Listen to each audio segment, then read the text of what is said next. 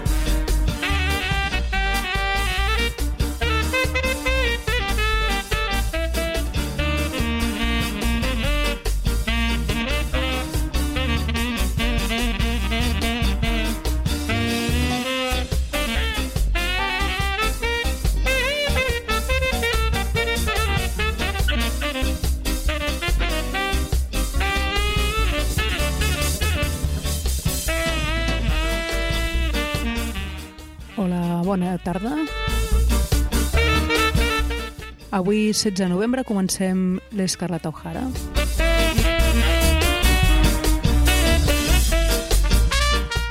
Una setmana més aquesta hora dedicada a la música jamaicana, aquí el 91.4 l'FM. Con...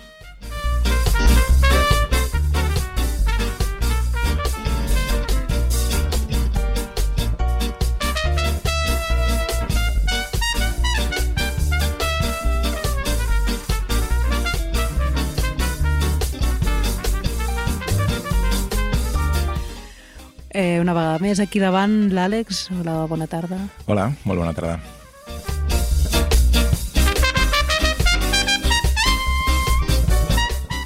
I bueno, a part dels oients de contrabanda, saludem a la resta d'oients no? que ens escolten des de doncs, les de més ràdios germanes.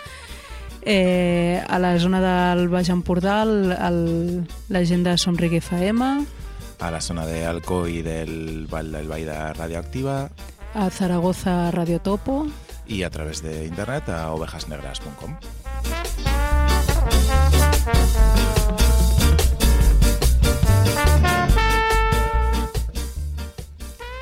I bueno, avui tenim un programa especial. Jo crec que ja ho vam mig avançar l'altre dia al programa, no? Hem fet algun spoiler a, a Twitter.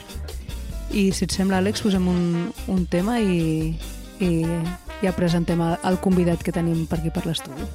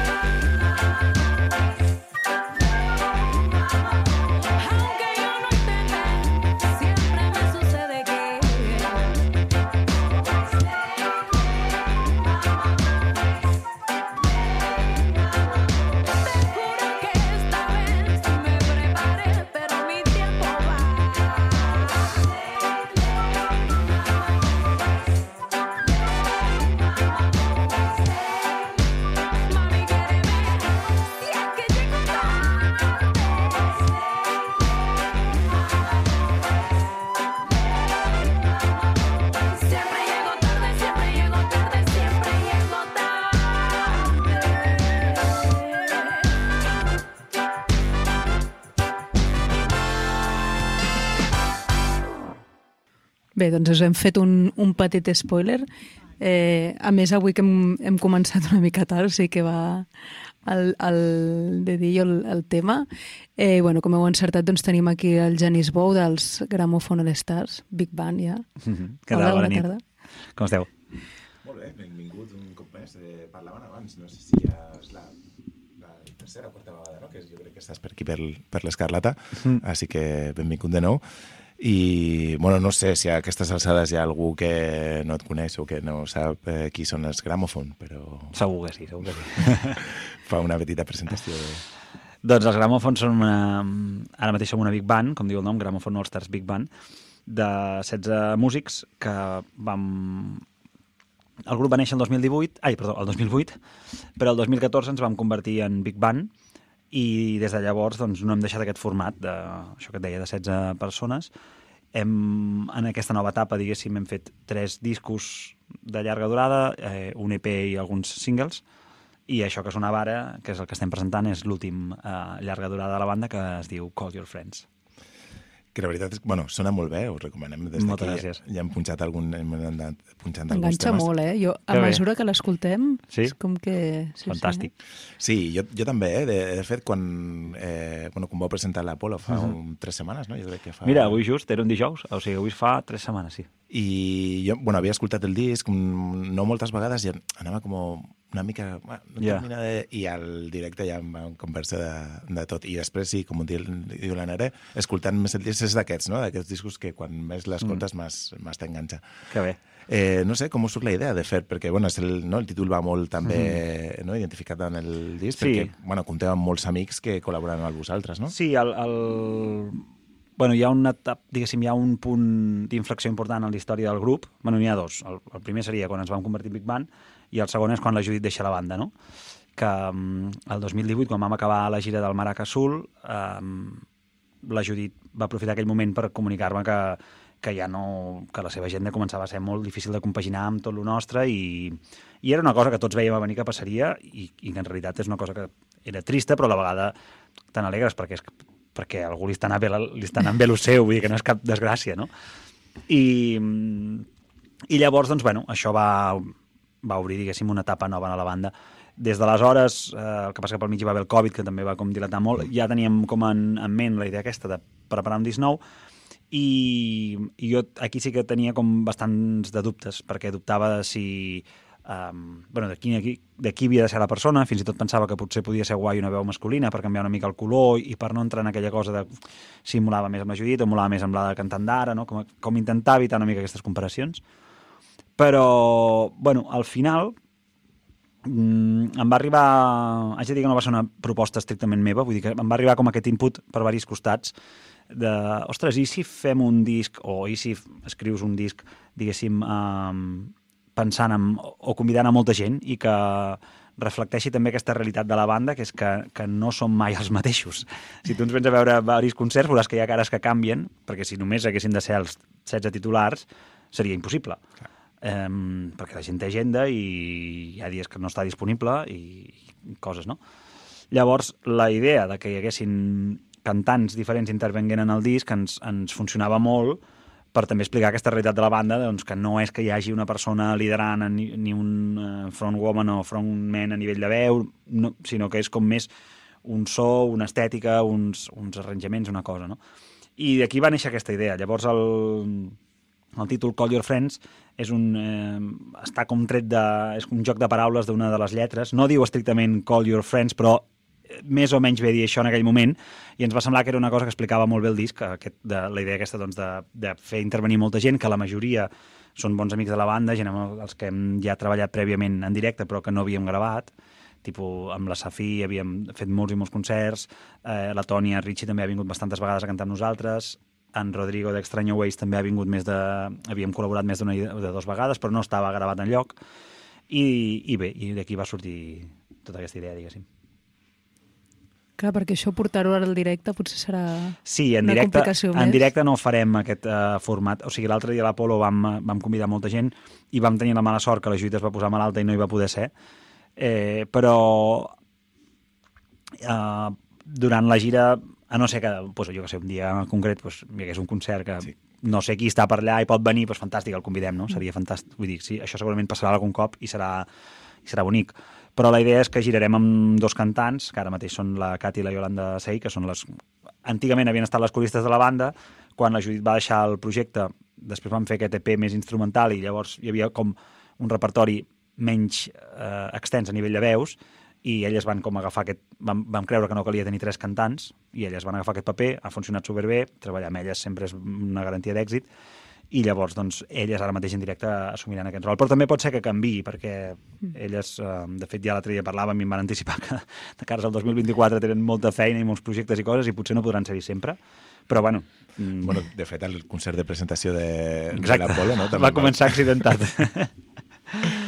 Sí, per, per la gent, bueno, no sé, per, perquè, perquè igual algú que ens escolta no ho sap, la, les dues eh, germanes Seis, a part de ser cantants increïbles, també es dediquen al món de la interpretació, i la Ioli, quan va sortir aquest concert, ja tenia un, una... Bueno, estava eh, fent una, una obra que estava programada durant un mes al, al TNC, al al Teatre Nacional de Catalunya, i llavors era... Vale, podem fer el concert amb la Ioli arribant tard o podem fer el concert amb algú. Des del principi però que no sigui la Ioli. I llavors eh, vam preferir que els dos primers temes no hi hagués la Ioli i llavors a l'acabar- va acabar la seva funció, la van posar en un taxi corrents, va arribar tan ràpid com va poder i es va incorporar de seguida que va ser allà. I ho fica el tema aquest del I'm, Sorry, I'm always late. No, mira, o- va, va arribar just després d'aquest, perquè aquest, eh, en aquest encara teníem... Uh, aquest era com el, el marge, diguéssim, que... Està, era, estava per veure si arribava en aquest o el de després, i si hagués arribat aquest era molt divertit, perquè... Sigut, sí. Però ja comptàvem que... O sigui, que en principi que, que havia de passar alguna raro perquè arribés tan aviat. Ja teníem tot el rato com molt cronometrada. Bueno, va sortir prou bé. El, Sí, sí, va, el, va ser divertit. el concert. Bueno, i com, com va ser, no? Perquè teniu també, eh, hi, ha, hi ha versions, no? Com sempre que, Mhm. que trobem al, als vostres discos, però també hi ha molts temes, no? Propis, que aquesta vegada potser més, no? Que, Sí, sí, que més. El, el disc té 10 temes i n'hi ha 7 de propis i 3 versions. Això és mm, també un canvi de concepte molt, molt important respecte al que havíem fet abans. Normalment era al revés, tipus acostumar, crec que els dos discos d'anteriors tenen 10 temes i normalment hi ha dos instrumentals uh, i, i en algun cas uh, no sé si en la Maraca Sul crec que només hi havia un d'autoria pròpia i en el Jasmaica hi havia... Bueno, en general era un o dos a l'EP aquest instrumental que vam fer, que es deia Love Letter, aquí ja vam com canviar una mica, però també eren instrumentals. El que no havíem fet mai era escriure música, amb... o sigui, no ho havíem fet en l'època de la Big Band. Uh, ho havíem fet abans, diguéssim, que igual ja era una de les primeres vegades que vaig venir aquí, perquè Sí. sí. recordo que vam parlar amb tu, que et van molt gràcia allò del eh? Sol Solet. Tinc això com gravat, que m'has preguntat això. Sí.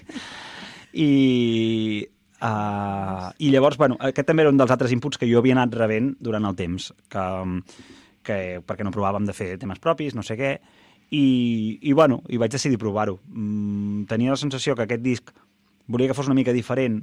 Maraca Sul jo crec que és com molt una segona part, com una continuació del Jasmaica, i aquest és un disc més trencador, més trencador. Vull dir que, que, que continuem siguent els Gramophone, tampoc hem canviat mm, moltíssim, però és un disc diferent, és un disc jo crec més modern, eh, i llavors, bueno... Eh, Sí, amb altres sos, no? També, Sí, potser exacte, Amb ha- altres influències, no? sí, També, no? És un disc que està més, més en els 70 que en els 60, hi ha més reggae que ska, que sempre havia estat al revés, sempre hi havia més ska que reggae.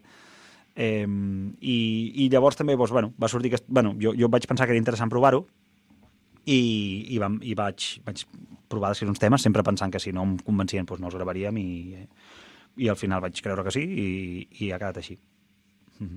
I bueno, les versions en aquest cas, no, algunes ja, ja portàveu temps, no?, eh, provant-les en, en directe, no? Correcte. Que també és una fórmula que, que feu, no? Sí, Eh, eh, ho que és, fet- Bueno, cançons que suposo que, que, ja, que ja veieu que, que funcionen bé al, al directe, incorporar-les, no? Sí, vam, mira, el, quan estàvem acabant la gira del Jasmaica vam, vam estrenar I Don't Know. I, I també vam estrenar, de fet, Could You Be Love. I, I jo ja vaig veure com que I Don't Know entrava molt bé en el segon disc, però Could You Be Love vaig pensar que igual no acabava de ser el que... O sigui, no anava en la línia d'aquell disc, vaig pensar que era com... Bueno, perquè jo ja, diguéssim, pensava potser en aquest segon disc més continuista i un tercer una mica més modern, i Could You Be Love em semblava que era una, una idea de- d'arranjament i de so, doncs això, com més, una mica més modern. I, i va ser així, ja portàvem temps tocant-la en directe, la dosificàvem, intentàvem no tocar-la sempre, la tocàvem tipus les nits importants, perquè com que és un temazo, diguéssim, que el coneix tothom, funciona molt, i llavors sí, però a vegades, jo què sé, si tocàvem en un cicle d'aquests dies, que això a l'hivern toquem bastant sovint en teatre, i així, doncs aquest dia no la tocàvem. Però de cop i volta a l'estiu, festa major no sé on, doncs la toques i funciona bé. I és veritat que, que és molt guai la idea de tocar la música en directe abans de gravar-la. El problema és que, mm, igual que té com aquesta part bona que et permet tastar-la i veure on falla o, o no, també té el problema que si ho fas amb tot el disc, quan graves el disc ja està com una mica gastat. Ara estem en un moment molt divertit i molt bonic, que és que tocar en directe és molt fresc, perquè mm, ho dèiem l'altre dia després del concert, que dic, hòstia, és que és com molt nova la sensació, perquè clar, portàvem, no sé, mm, els últims quatre anys eh, i comptant ja, o sigui, des del 2017 el repertori havia canviat molt poc, diguéssim. Mm. Es van afegir aquests quatre temes nous del Love Letter, però no es va, després ara ja no s'estaven tocant tots perquè eren molts instrumentals i llavors havíem tornat com al repertori més clàssic. I de cop i volta ara doncs, estem tocant un repertori on hi ha 10 temes nous. I clar, això és... La sensació és molt agradable en aquest moment en què estem ara, que és que ja les has gravat i estan com madurant en directe, d'aquí mig any o així ja estaran superafincades, ara s'estan posant com a lloc, no? I jo crec que, i des del punt de vista del músic, ara és un moment molt xulo, perquè és això, és com molt fresc, és com una...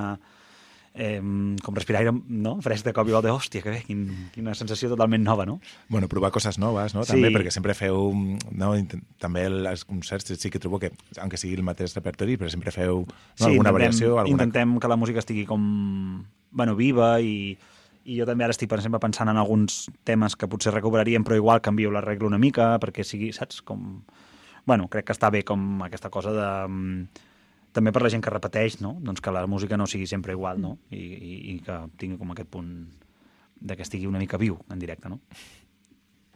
Molt bé, doncs si us sembla, escoltem algun altre tema d'aquest eh, Call Your Friends, algun en particular que vulguis que, que soni... Um, aviam, si em fas triar a mi, uh, per exemple, uh, pop, pop, pop, pop, pop, pop, a mi no és el meu preferit, però sí que és un tema molt important en aquest disc, que és aquest que es diu Gotta Keep It Going. Aquest per mi és un, un tema clau, diguéssim, després us explico si voleu.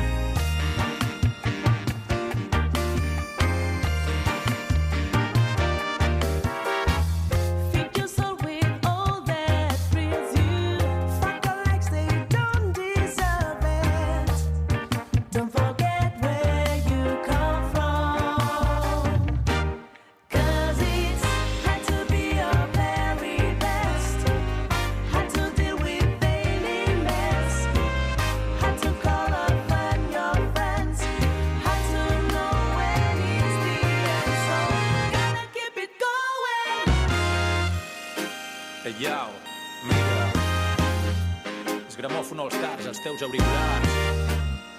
No estàs preparat per això.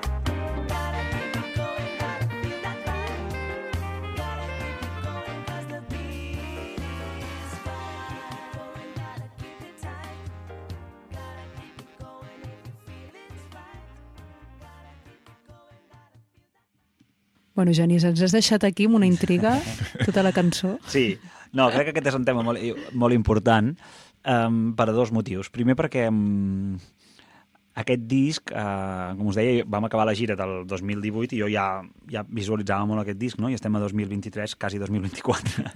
Vull dir que ha sigut un disc lent de, de parir. Um, de fet, hi havia bastants de músics de la banda que deien ara que, que ja ho hem fet i tal, em confessen que, o sigui, que patien, perquè deien, hòstia, sempre diu que farem un disc, però Bueno. ningú en sap res del disc, ningú no en parla i tal.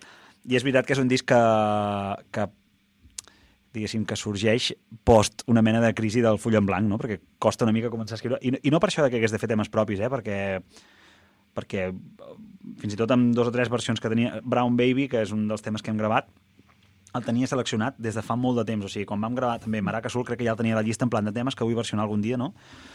Però bueno, no sé, hi havia com una cosa que em, em feia mm, com una mena de bloqueig, una mena de... Bueno, això que en diu, la crisi del full en blanc, crec que s'entén bastant bé el que és, no? Que a vegades costa molt començar les coses quan no les, o sigui, quan s'ha de començar tot des de zero. És que no veu fer lo típic de la pandèmia, posar-vos a escriure com uns... No, jo no. no, que veu com jo el, no. el dos tipus de persones, no? les que van deixar de fer tot Sí. i els que... No, a mi, a mi em va passar que... No, no, no, això no, no em va sortir aquesta d'això. Jo, de fet, bueno, seria una discussió, però jo feia classes de música, llavors, clar, de cop i volta fer classes de música a través d'un ordinador, combos, bueno, o sigui, va ser un infern. Va va ser un infern. Ens en vam en sortir, però pff, ja tenia prou liu. no, no podia escriure un disco. I, I aquest va ser el primer tema que, que vaig començar a escriure, pues, així, si ens posem romàntics, pues, una tarda de... Just farà un any, perquè era novembre, me'n recordo, i, i res, vaig, i, i me'n recordo que bueno, vaig començar... Vaig sentir una cosa, en una, estava escoltant un disc de, dels Heptons, hi ha com una dub version d'un dels temes i, i em va com agradar molt l'atmosfera, vaig dir, hòstia, podríem alguna així, no sé què, vaig començar a buscar uns acords i tal, i va néixer la, la idea, diguéssim, eh, fundacional d'aquest tema, i llavors això com va obrir tot l'altre, no? És com si... S'han obrit les portes, Sí, de cop van començar a florir com idees d'altres llocs i, i també la, la lletra una mica parla de d'aquesta idea del, del no castigar-te tant i de, de l'autoexigència, que a vegades és bona però també a vegades es, pot ser molt tòxica, no? I llavors, bueno, en plan, tio, tranquil, tira endavant... Que Du- fluia, vaja. Sí, no, no, tampoc és una crida al gandulisme, però, saps? però perquè ens entenguem, no?, de, de que el que, jo què sé, que confia, fes fent i ja està. I, i això per un costat, per això jo sempre penso que és un tema molt important pel disc. I després l'altra que cosa que és guai de recalcar d'aquest tema és que una de les eh, coses que donen personalitat també a aquest disc és la feina que va fent Roberto Sánchez, que és la persona que el va mesclar, que és un tòtem de la música jamaicana a la península i ja m'atreviria a dir a Europa, i, i bé, i vam contactar amb ell, lo típic. Uh, Roberto, ens agradaria que ho facis tu, eh, hi ha poc temps, un pressupost més o menys just, i, i què? I t'hi pots posar demà? I va ser en plan, hòstia, uh, ok, bueno, no, però ja trobaré el temps d'on sigui perquè em fa il·lusió no? i d'això. I, i va, treballar amb en Roberto va ser un regal. És una persona que és un por de saviesa, a més, a mi em, em va transmetre com molta tranquil·litat, que això també és molt important quan treballes amb algú en aquests moments del disc, no? Com notar que aquest algú està com tranquil i que sap el que es fa, i a mi em, em va agradar moltíssim. Llavors, crec que ell li va donar també una pinzellada molt important al disc i en aquest, aquest tema és un tema que, que crec que, que es nota molt la seva mà, perquè té un parell de moments amb uns efectes d'app allà i tal, que això és, és marca de la casa d'en Roberto i, i m'agrada molt quan parlo d'aquest disc també explicar que, que, que sense ell seria molt diferent segurament. Que és que el Roberto, jo crec que els dies del Roberto no són de 24 hores, Sí, sinó no sé com s'ho fa, no sé com s'ho fa. 200 hores. O... Sí, sí, perquè està tot arreu i a més era, això ho estaven fent a l'estiu, ell se'n anava al ro tothom a fer no sé quins bolos i tal, i whatsapps allà i no sé què, i WeTransfers a hores intempestives i bueno, tot, tot. Però bueno, va, va sortir endavant i, i la veritat és que fantàstic, que, molt contents.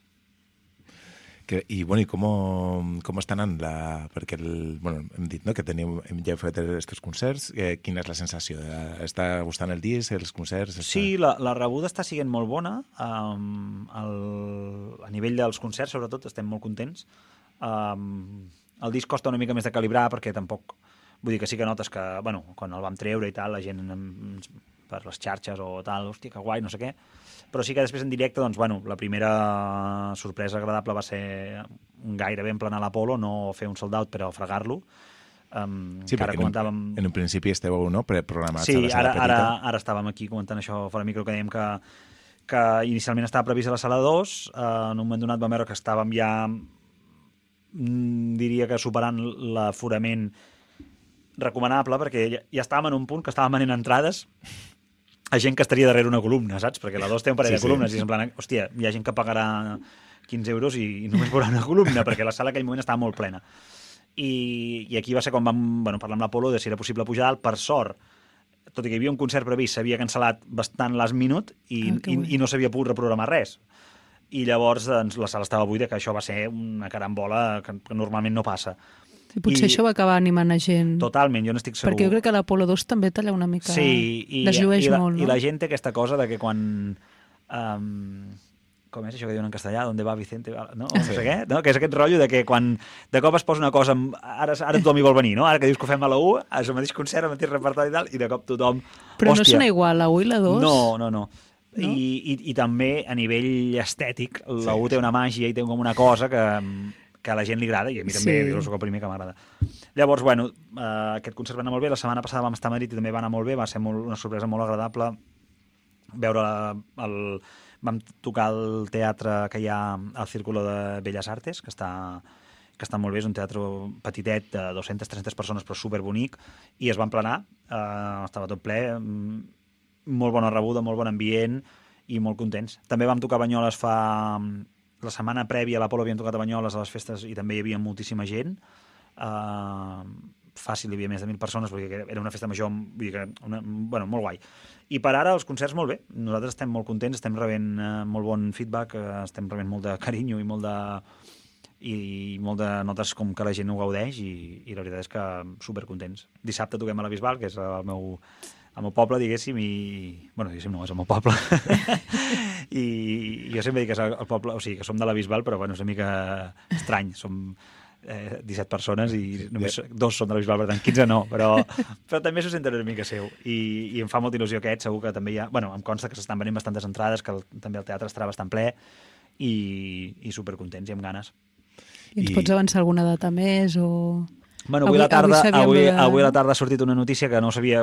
O sigui, quan estàvem parlant aquests dies, no, comptava que no ho podria dir, de fet, i de cop i volta al migdia he rebut un WhatsApp que, mm, que, que ja estava anunciat i que, i, i que ja podíem posar-ho a xarxes i tal, o sigui que fantàstic, que és que del 16 al 30 de desembre estarem tocant cada tarda a la plaça Catalunya en horari màxim family friendly a les 5 de la tarda, a més és gratuït i a més a més després de nosaltres hi ha actuacions no només de música, és una cosa com molt multidisciplinar, hi ha circ, hi ha dansa i, i val molt la pena deixar-se caure per allà algun dia, eh, mirar quins concerts hi han, perquè a part de nosaltres eh, hi ha coses molt interessants, eh, per exemple amb el Capus, que toca la Núria Graham, toca Tarquim, que és el projecte del, del saxofonista i flautista de, dels Gramòfon, d'en Pau Vidal, eh, hi ha moltes, moltes coses que, estan, que són xules, i nosaltres estarem allà cada tarda, obrint la tarda a les 5. Mm, I no estareu tocant Nadales, que... No tocarem Nadales, no. precisar.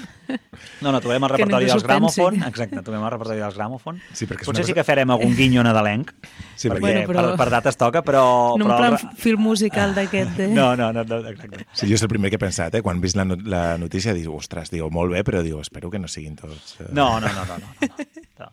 I, I després això, eh, el dia 25 i 26 no, perquè com són dates com molt senyalades, doncs aquests dies no es fa res, però la resta de dies, del 16 al 30. I a més a més, no només a les tardes, sinó que hi ha tres dies que són els dissabtes, si no, si no dic malament de memòria, són el 16, el 23 i el 30, eh, que al matí estarem a, a diferents eh, zones de Barcelona, eh, a veure si ho dic bé de memòria, eh? però, però sobretot que la gent ho miri, si algú està interessat, que ho miri a les xarxes per confirmar-ho. El dia 13 estem a, a la plaça Alfons X, a la seu del districte d'Horta-Guinardó. El 23 estem a, crec que és Sarrià Sant Gervasi, un districte també, a, la seu del districte, no, no, no recordo qui l'adreça exacta, i acabem a, a Sants, a, a la, també crec que és a, a la zona com d'Avinguda Madrid amb, amb, amb Badal o alguna així, no n'estic segur. Que també és com algú de la seu del districte, i, això, i aquests tres bolos eh, són en, en horari de migdia. I, aqu I aquests dies toquem al migdia aquí i a la tarda a la plaça Catalunya. Vull dir que hi haurà gramòfon per un tubo per Nadal, qui vulgui venir, tot és gratis, o sigui que estarem contentíssims de saludar la gent. Bueno, això nos l'apuntem per passar en alguna... Sí, sí. sí, sí passarem en, en algun moment per allà per, per veure aquí. El... Fantàstic. Sí, sí. Bueno, eh, pues, si voleu, escoltem un altre tema d'aquest que... Call Your Friends? Endavant, som-hi. No, sembla que tenim algun... Sembla que hi ha algun problema. Bueno, algun problema. Sí, de fet, bueno, ja... Eh, aquest era el plan B, perquè hem portat també el, el disc, el, el vinil, però bueno, no sé què passa amb el plat de l'estudi, que tampoc funcionava. Ah, Llavors, ja. ja. ja estem amb el, amb el plan B. amb el plan B. Sí, sempre passa, no pateixis. A veure, ara sí sona.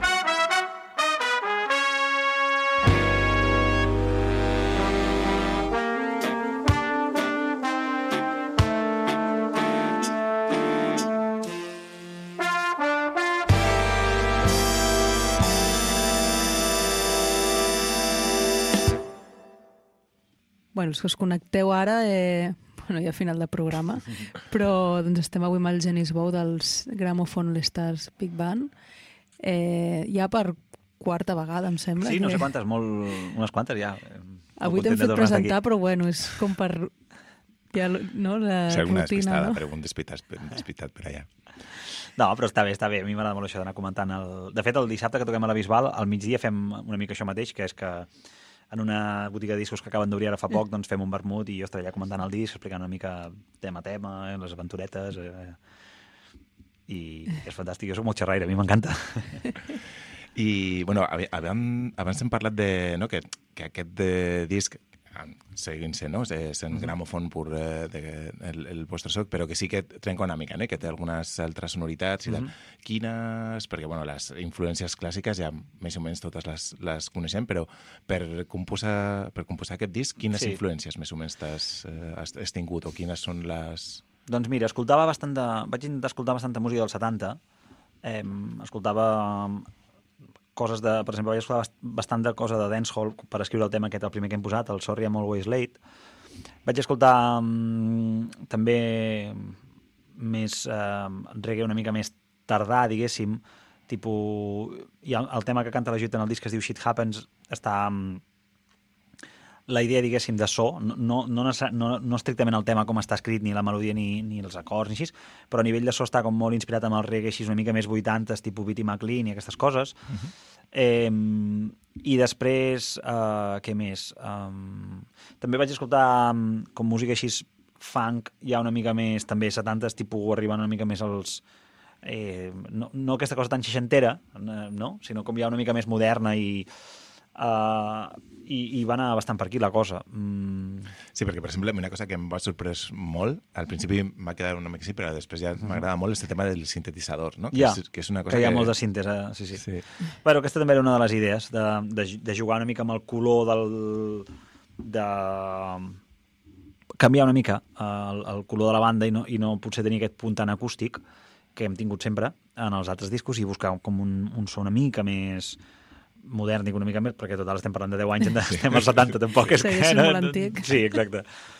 Però, però sí, i la presència dels sintetitzadors també cal aquí, igual que abans parlava d'en Roberto, també hi ha una persona molt important, que és en Mario Coloma, um, que um, treballa amb el, uh, diguéssim, nom artístic de Hal C, que és un productor d'aquí a Barcelona, original de, si no ho dic malament, de Consentaina, eh, i membre dels uh, Dance Crashers, una banda d'esca de, del País Valencià, i, oh, bueno, exmembre, de fet. I, i ell es va encarregar de tota la, de, diguéssim, del disseny. Jo tenia com tot, jo tenia tot d'idees, en plan, aquí vull que, els, que el sinte faci no sé què, no sé quantos, però el món dels sintetitzadors és un, Sí, sí, és un laberint, o sigui, no acabes mai. I llavors jo havia escrit com melodies, havia escrit coses, però llavors vaig quedar amb Mario i vaig dir, hòstia, m'agradaria que tu li donis una mica forma a tot aquest univers, no? I tris una mica els sons i, i llavors ell ho va, va fer com una proposta, ho vam acabar de treballar i, i va ser molt guai. Ell és també molt responsable de que aquest disc soni així, perquè el, tota la presència que a més és una presència molt amb un paper molt protagonista dels sintetitzadors, ell és qui va dissenyar una mica els sons. Molt bé, molt bé. Sí. Ens agrada. I, bueno, parlàvem de les influències que, bueno, que, han- que han ser- servit per, per aquest disc, i a part d'això, i que també parlàvem d'altres grups, no? de les classes, eh, algun grup, així, o alguns grups eh, que hagin sortit de, darrerament que, que t'agradin o que estiguis escoltant? Que... De música jamaicana estem parlant o en general? Sí, o en general, sí. sí Um, he estat molt i molt enganxat um, a la música de la, als dos últims discos de la Little Sims, que és aquesta rapera de Londres. Vaig estar especialment enganxat en el que es diu Sometimes I Might Be a Little Introvert, crec que ho dic bé, que és un disc que em sembla una passada. És um, un disc de hip-hop, però hi ha com molts arranjaments d'orquestra sinfònica i el, i el color no és molt de hip-hop en el sentit de sampler, sinó que és com que sents això, l'orquestra allà amb els... No? Els, mm, els vents, per exemple, no són vents de, de, de secció de música moderna, sinó que són trompes o, o trombons, però aquesta cosa com més de sinfònica. I també hi ha molts de, com de percussió clàssica, tim, timpanis i coses d'aquestes, guapíssim. Això m'encanta. M'agrada molt també la música de l'Anderson Paak, també he escoltat molt l'Anderson Paak. Hi ha un tema del disc que és el No Nice, que, que és el primer tema que també és bastant modern de, de, de so i d'arranjaments i tal, i, i aquí sí que escoltava, o sigui, pensava molt en les coses que fa gent com ell. I després, eh, en un sentit més jamaicà, he escoltat molt últimament Um, o sigui, quan estava fent el disc vaig escoltar molt i molt, en bucle, l'últim disc d'en Kabaka Pyramid, que és aquest que es diu... Um... Collons, no em el nom. Eh, bueno, el que va guanyar el Grammy. Eh, jo no estic mai gaire pendent d'això, però, però vaig veure que, que li havien donat un... No sé com ho vaig veure i vaig pensar, hòstia, va, escolta't això, a veure què tal. I em va encantar. La veritat és que em va agradar molt, me'l vaig escoltar molt... O sigui, em, em sembla un disc molt guapo, molt a nivell de producció impecable. Es- Després vaig saber que l'havia produït en Damian Marley, eh, molt guapo. I mm, què més? També um, sempre que, sempre que, que faig algun disc, diguéssim, torno una mica als clàssics i també he escoltat això que et deia abans, més reggae més dels 70s, eh, produccions així una mica més com uh, com t'ho diria de, els, això, els Heptons que, que igual era una banda que, no, que sí que havia escoltat però no, bueno, com tot aquest període més reggae dels, de, de- d'aquesta segona època eh, vaig, vaig estar bastant trepitjant coses per allà Mhm. Molt bé, mira, aquest de, disc del Kabaka Pyramid me l'apunto perquè no, aquest últim no l'he tinc molt escoltat, sí que havíem posat el, algun tema per aquí del, de l'artista, però fa temps que no estic intentant pensar el nom i no, no hi ha manera que em vingui, mira que el vaig escoltar a vegades eh? recuperarem.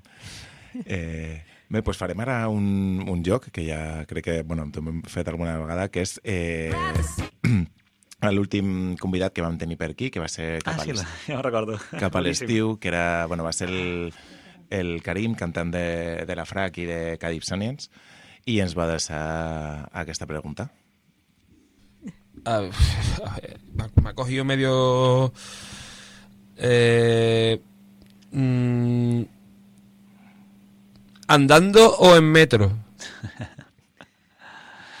Recordava. Andando o en metro? Um, Sí, perquè ens va explicar que, bueno, que quan ve per aquí per, per Barcelona pues que li agrada molt caminar, no? que si, si ve que, que el trajecte són només de 30-40 minuts, que no agafa el metro, que prefereix Clar. prefereix anar a caminar. Mira, en el meu cas, la idea seria que um, també m'agrada més caminar, però com que sorry, I'm always late, acabo anant en metro perquè vaig pillat de temps, saps? I llavors, la prova és que els dijous al matí que treballo aquí, eh, bueno, que haig de fer un trajecte en metro, que hi ha dues opcions, diguéssim, la de fer dos transbordos, que és menys agradable però vaig més ràpid, i l'altra que camino tipus 20 minuts i després vaig només amb un metro. I sempre penso, avui, avui camines i, i, agafa, i llavors acabo fent l'altre perquè, hòstia, merda, que se'm fa tard.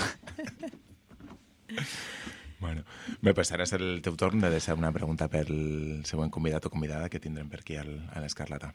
Aviam, uh, pregunta. Deixa'm pensar... Mm...